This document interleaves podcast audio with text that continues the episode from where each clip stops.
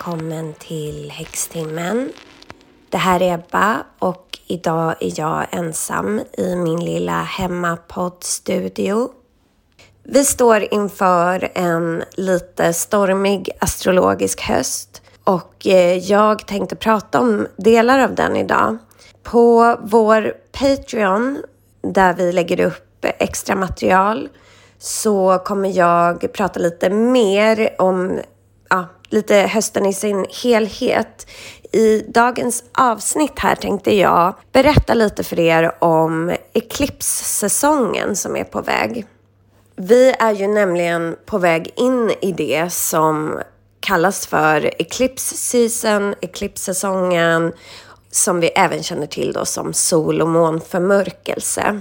Det här är ju något som sker ungefär två gånger varje år, så det är inte något som är väldigt ovanligt. Men det finns några saker med just höstens eklipser som faktiskt är lite ovanliga.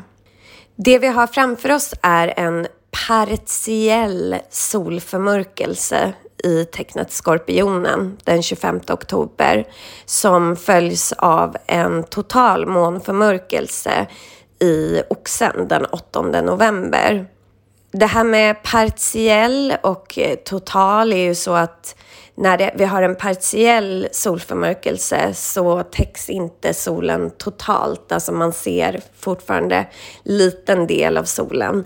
Men den här månförmörkelsen den 8 november är då total. Det som det sker rent alltså, visuellt är ju att solen blir mörk. Det ser ut som att något täcker för solen. Och eh, vid en månförmörkelse så färgas månen röd. Det här kallas ju för blodmåne när månen är röd. Vi kommer inte uppleva en total månförmörkelse i Sverige, så vi kommer inte se det med ögat, utan det dröjer några år tills vi får se det. Även den här solförmörkelsen syns inte i Sverige. Däremot i andra delar av Europa kan man se det här. Energin känns dock av på ett astrologiskt plan framför allt. Sol och månförmörkelse sker ju alltid i en sån här serie. Det börjar med en solförmörkelse och eh, följs då av en månförmörkelse. Det är alltid vid nymåne som en solförmörkelse inträffar som då följs av en fullmåne ungefär två veckor senare då en månförmörkelse inträffar. I vilka tecken de här eklipserna äger rum har att göra med noderna. Det som kallas för månnoder eller ödesnoder och som då astrologiskt inblandar våra öden. Sol och månförmörkelser i Skorpionen och Oxen har ägt rum ett par gånger nu. Den senaste solförmörkelsen, som då skedde i Oxen, var 30 april i år. Och den följdes av en total månförmörkelse i Skorpionen den 15 maj. Så ni kan försöka tänka tillbaka på om det hände något då. Vad skedde rent konkret? Alltså var det några särskilda personer som kom in i era liv? Var det något särskilt eh, bråk ni hade eller några känslor av att ni behövde förändra eller göra er av med någonting? Man kan tänka att de här eklipserna sker i eh, följd för att få oss att eh, göra vissa förändringar. I och med att de här eklipserna sker i Oxen och Skorpionen så är de absolut mest kännbara för de som har placeringar i Oxen och Skorpionen. Men även de som har placeringar i fasta tecken. Det är Oxen, Eh, och skorpionen då, men även lejonet och vattumannen. Så de av er som har sol, måne, ascendent, kanske också Venus, Merkurius och Mars i något av de här tecknarna kommer att påverkas mer av eklipserna.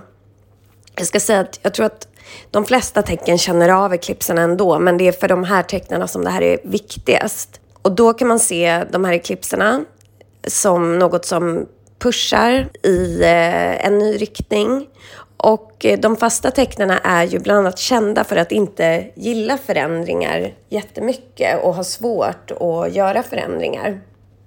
Jag kan säga att för mig personligen, jag eh, har ju bara fasta tecken i mina stora tre. Jag har vattuman, lejon och oxe i mina stora tre. Och jag har en oxmåne. Jag har märkt av de här förändringarna väldigt mycket. Oxen är ju ett tecken som har gått igenom mycket förändringsenergi eh, de senaste ett och ett halvt åren ungefär.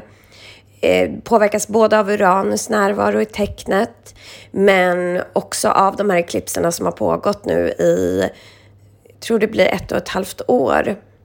För mig så har eklipserna ändrat mycket i min karriär, alltså vad jag sysslar med. Jag har gjort mig av med mycket saker kopplat till karriär. Det har också förändrat mina relationer som ju går in väldigt mycket i månen. Eh, alltså mina vänskapsrelationer framför allt. Men vi kan tänka lite att höstens eklipser på något plan tar vid det som skedde då i april-maj nu. De kan också komma med helt nya saker, men det är mycket möjligt att det är något tema som har pågått under en längre tid, kanske det senaste året. Och jag brukar tänka på eklipsenergin så att det blir som att luften lite vibrerar och att saker som vi kanske har gått och känt av länge, alltså burit på länge. Man kanske har känt känslan av att kanske borde förändra saker i den här relationen eller jobb eller vad det än har att göra med hälsa, vad som helst. Men man har inte känt det här akuta behovet av att göra förändringar. Och när klipserna kommer in så är det som att de tar in oss i någon typ av portal som bara, eller så här maskhål och bara tvingar oss till förändring det kan vara ganska smärtsamt att gå igenom det här. Alltså det kan leda till bråk. Jag minns till exempel då vid eklipsen i, om det var november förra året, så var det för mig så att jag hade gått i en ganska osund jobbrelation under ganska lång tid. Och eh, hade inte sagt ifrån, men vid eklipsen så bara kom allt till sin spets och jag kunde inte längre hålla uppe den här fasaden. Så att jag gjorde slut på det här på ett sätt som då var ganska brutalt men troligtvis nödvändigt och som liksom pushade på min utveckling. Så att det kan vara smärtsamt men ofta leder det till något bra. Man ska dock vara lite försiktig under eklipser så att man inte skapar mer skada än nödvändigt. Men som sagt, det kan bli svårt att hålla inne med känslor och eh, förändringsbehov och ibland är det nödvändigt att det blir lite stormigt runt det. En solförmörkelse, det inträffar alltså när månen passerar mellan jorden och solen och de här ligger i en rät linje. Och då blir alltså solen antingen då helt när vi har en total eller delvis skymd för oss på jorden. Så solen blir mörk helt enkelt. Och det vi har nu är en partiell som det kallas, eller delvis skymd, så att det blir inte det här totala mörkret. Och eh, månförmörkelsen då, den sker när solen, jorden och månen ligger i linje med varann, som vi, det gör vi i fullmåne och eh, jorden är i mitten. Och då träffar jordens skugga månen och då blir månen förmörkad. Och när jorden då skuggar hela månen från solen, då har vi en total månförmörkelse. Och det här brukar då färga månen röd. Det som är intressant med eklipser är att de historiskt har varit alltid omgivna av någon typ av känsla av katastrof. Och det finns ju ganska många förklaringar till det.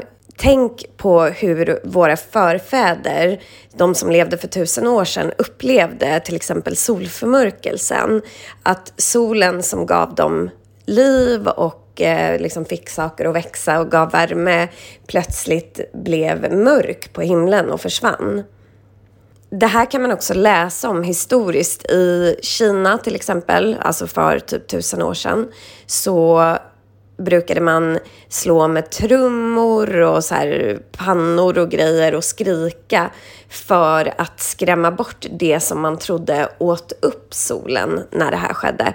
Det fanns en slags myt om att eh, det var en drake som åt upp solen när solförmörkelse skedde. Och man kan också tänka sig, för ofta i eh, tidigare kulturer så hade man någon typ av solgud eller solgudinna som var en eh, väldigt hög gud. Alltså solen är ju den livgivande planeten. Och när solen plötsligt försvann mitt på dagen så såg man det som att solguden dog, vilket ju inte var bra. Och det finns många myter och saker man trodde då, till exempel att när en solförmörkelse skedde, alltså en total solförmörkelse som ju inte sker jätteofta, det kan ske med väldigt många års mellanrum, så skulle kungen som man hade dö. Och i samhällen som var styrda av kungar så var ju det här en katastrof. Man kan också tänka sig att en månförmörkelse är skrämmande när månen som lyser upp natten plötsligt blir då blodröd. Astrologiskt så kan man tänka att eklipser är till för att få ut saker i ljuset.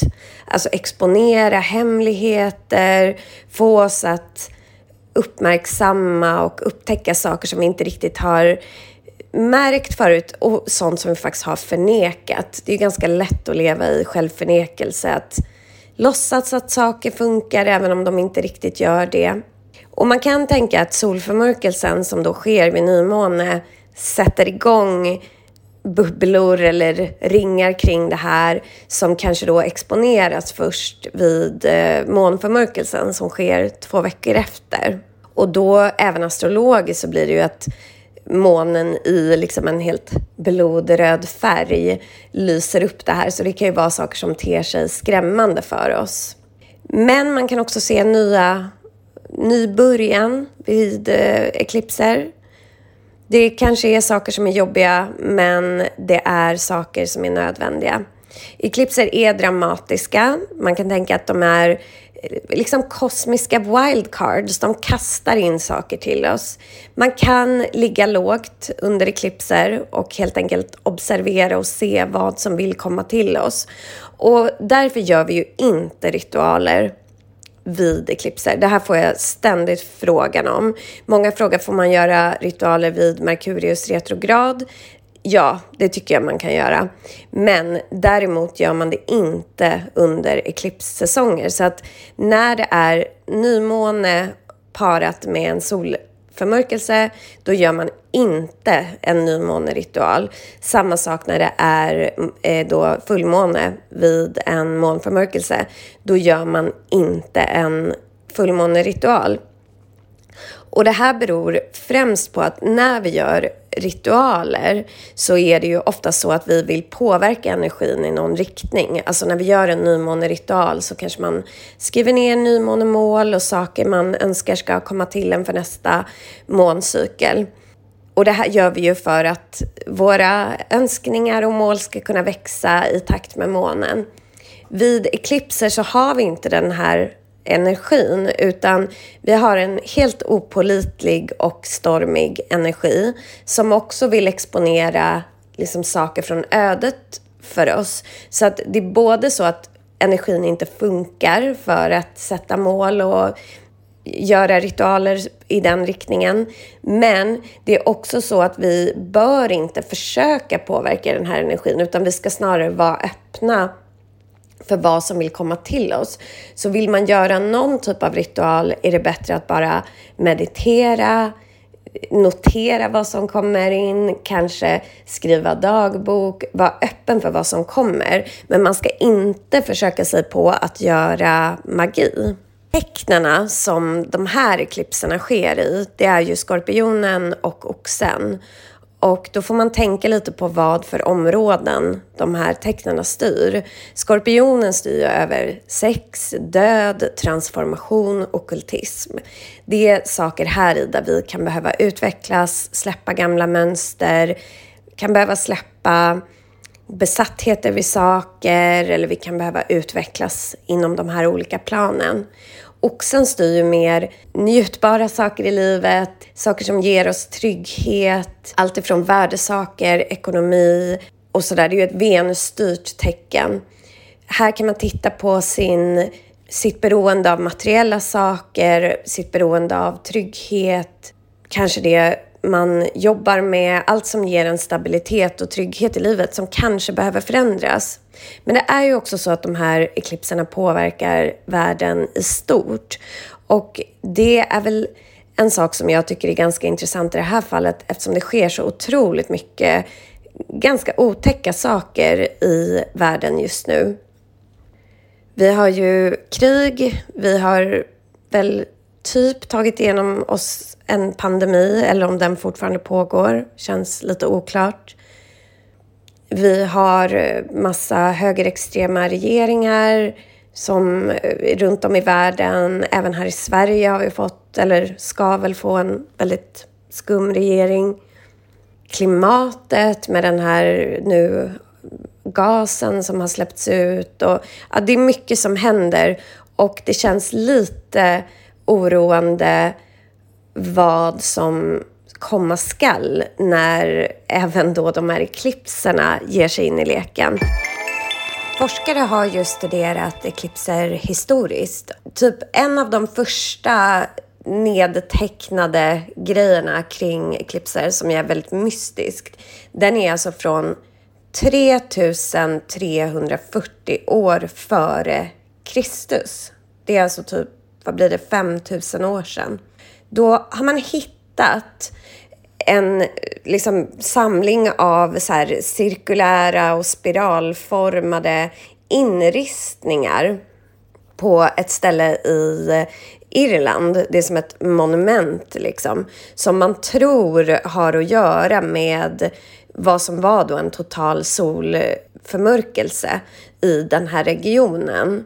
Och det här skedde 30 november då för 5000 år sedan. Och sen har man också hittat eh, mänskliga ben som ligger där under inne i det här monumentet som man har gjort de här inristningarna på. Så det är en väldigt mystisk sajt som man tror att de kanske gjorde någon slags offerritual kopplad till eklipser eller sådär.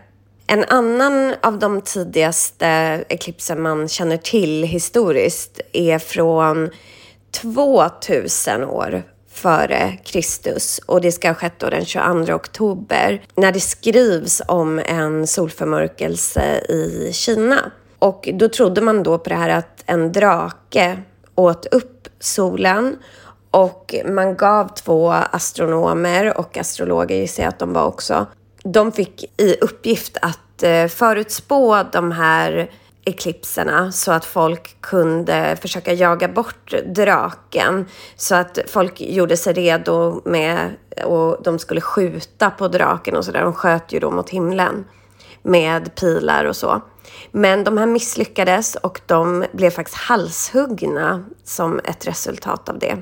Det finns flera sådana här nedtecknade historier om eklipser genom historien. Så de har ju liksom varit viktiga för människor och de har alltid upplevts som skrämmande. Och då kan man tänka, kanske är det därför det har liksom skett lite grejer kopplat till dem. Bland annat så sägs det ju, eller är nedskrivet då i Bibeln gissar jag, att eh, himlen blev mörk efter att Jesus korsfästes. Och Eh, då tror vissa forskare att det här är för att det skedde en solförmörkelse. Och eh, man har försökt att liksom fastställa med astronomi när det här skulle ha skett. För då skulle man kunna veta exakt vilket datum Jesus dog. Men så historiskt så finns det mycket dramatiska händelser kopplade till eklipser. Vi har liksom det lite nedärvt i vårt kollektiva medvetande att när solen som ger oss eh, liv, som får saker att växa och ger oss dag, när den försvinner så hör det ihop med någon typ av katastrof. Många tror till exempel att eh, Stonehenge är byggt för att förutspå eklipser. Det är ju druiderna som ska ha byggt eh, Stonehenge. Men det finns också lite modernare grejer där eklipser har sammanfallit med läskiga saker. Bland annat som jag nämnde i sommarpodden så sjönk ju Titanic precis innan en solförmörkelse och det var en stor katastrof. När människor fick reda på Titanic kan man säga så var det en solförmörkelse då, 1912.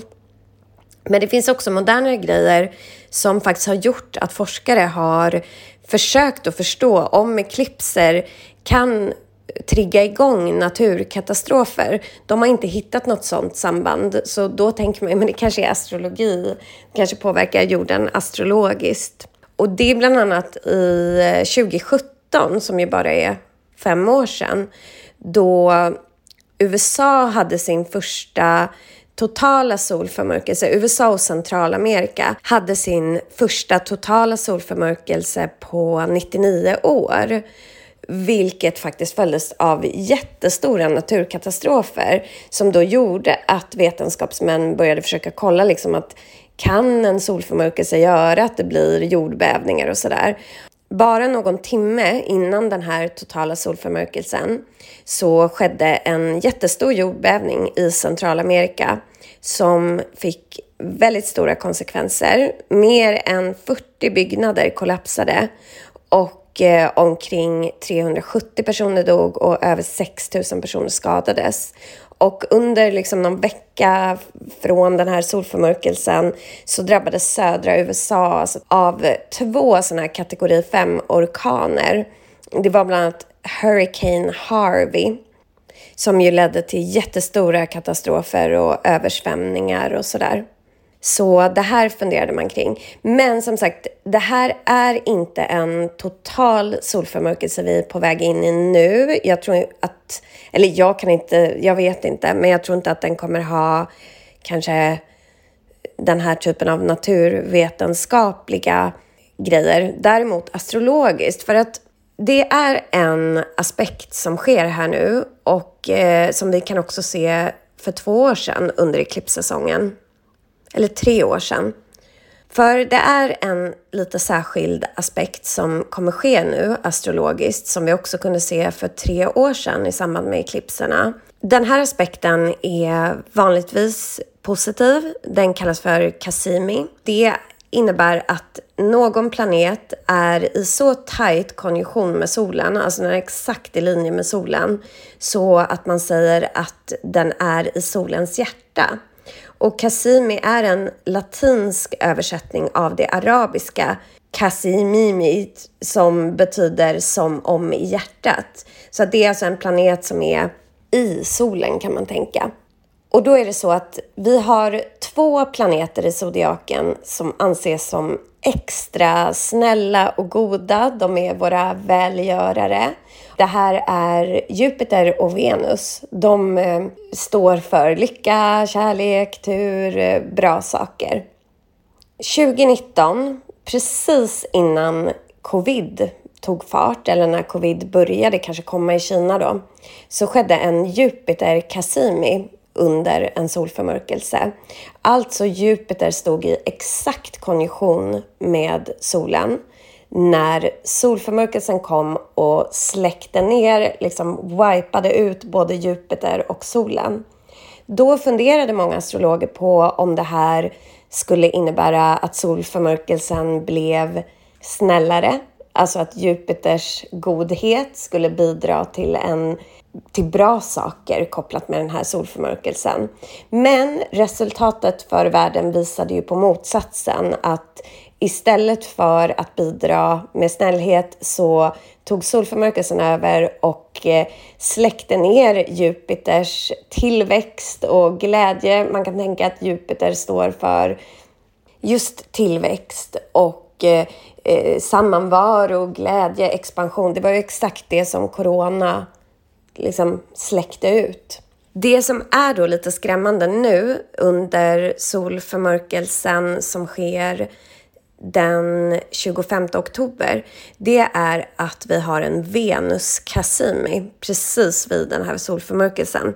Venus som står för kärlek, glädje, det goda i livet, alltså god mat, vin, dans, eh, sådana saker kommer att eh, tillsammans med solförmörkelsen att släckas ut. Den kommer vara i solens hjärta när det här sker. Och då är många astrologer väldigt nervösa. För man undrar vad är det som ska ske? Och flera astrologer har tittat på det här i, ja, i två år och undrat vad ska ske under den här solförmörkelsen. Så att därav känns det ju lite skrämmande. Det här känns ju ödesmättat och lite läskigt.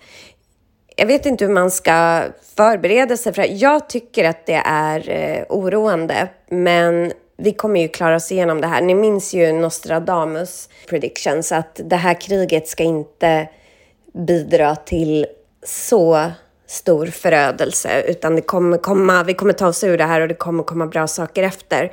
Men det kan bli någon rejäl shake-up tänker jag som vi kanske inte kommer se förrän om några månader. För corona, alltså under hösten 2019 så kände vi ju inte till corona, alltså det här var väl november 2019, då visste vi ju inte att vi väntade oss corona förrän där någonstans vid årsskiftet.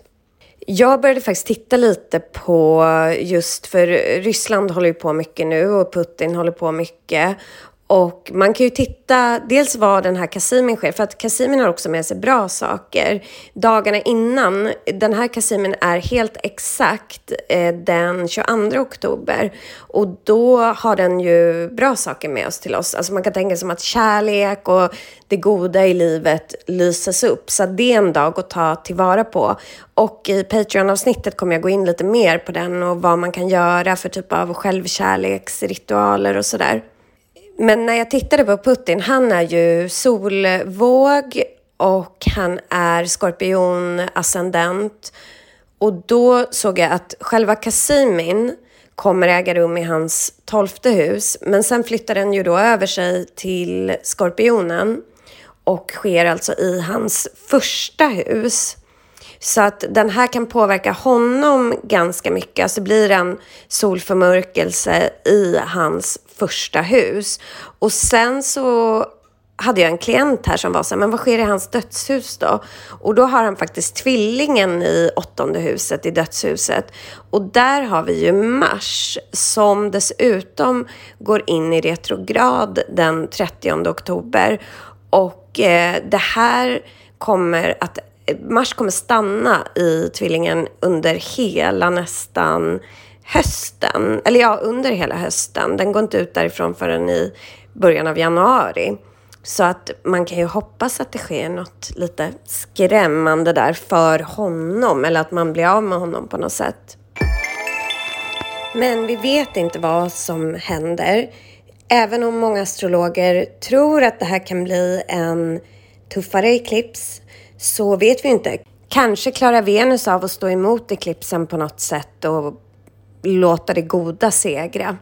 Vi får helt enkelt hålla i oss och eh, se vad som händer. Men inga ritualer. Uppmärksam på vad som kommer in i era liv och, eh, och ta hand om varandra. För er som har Patreon, gå in där nu så kommer vi prata mer om den här Venus Kasimin. Jag kommer skriva om den mer på min Instagram också när det närmar sig, vad vi kan göra av den. Och så pratar vi mer om astrologin på Patreon. Det blir Mars retrograd och Libra vågenergi under oktober och Scorpio season som är på väg, den intensiva säsongen. Hoppas ni har det bra, hoppas ni inte blir för skrämda av det här. Som sagt, det, vi, vi får se, men lite nervös kan man känna sig. Och vi hörs om en vecka igen och då är Klara med mig i podden igen. Ha det bra!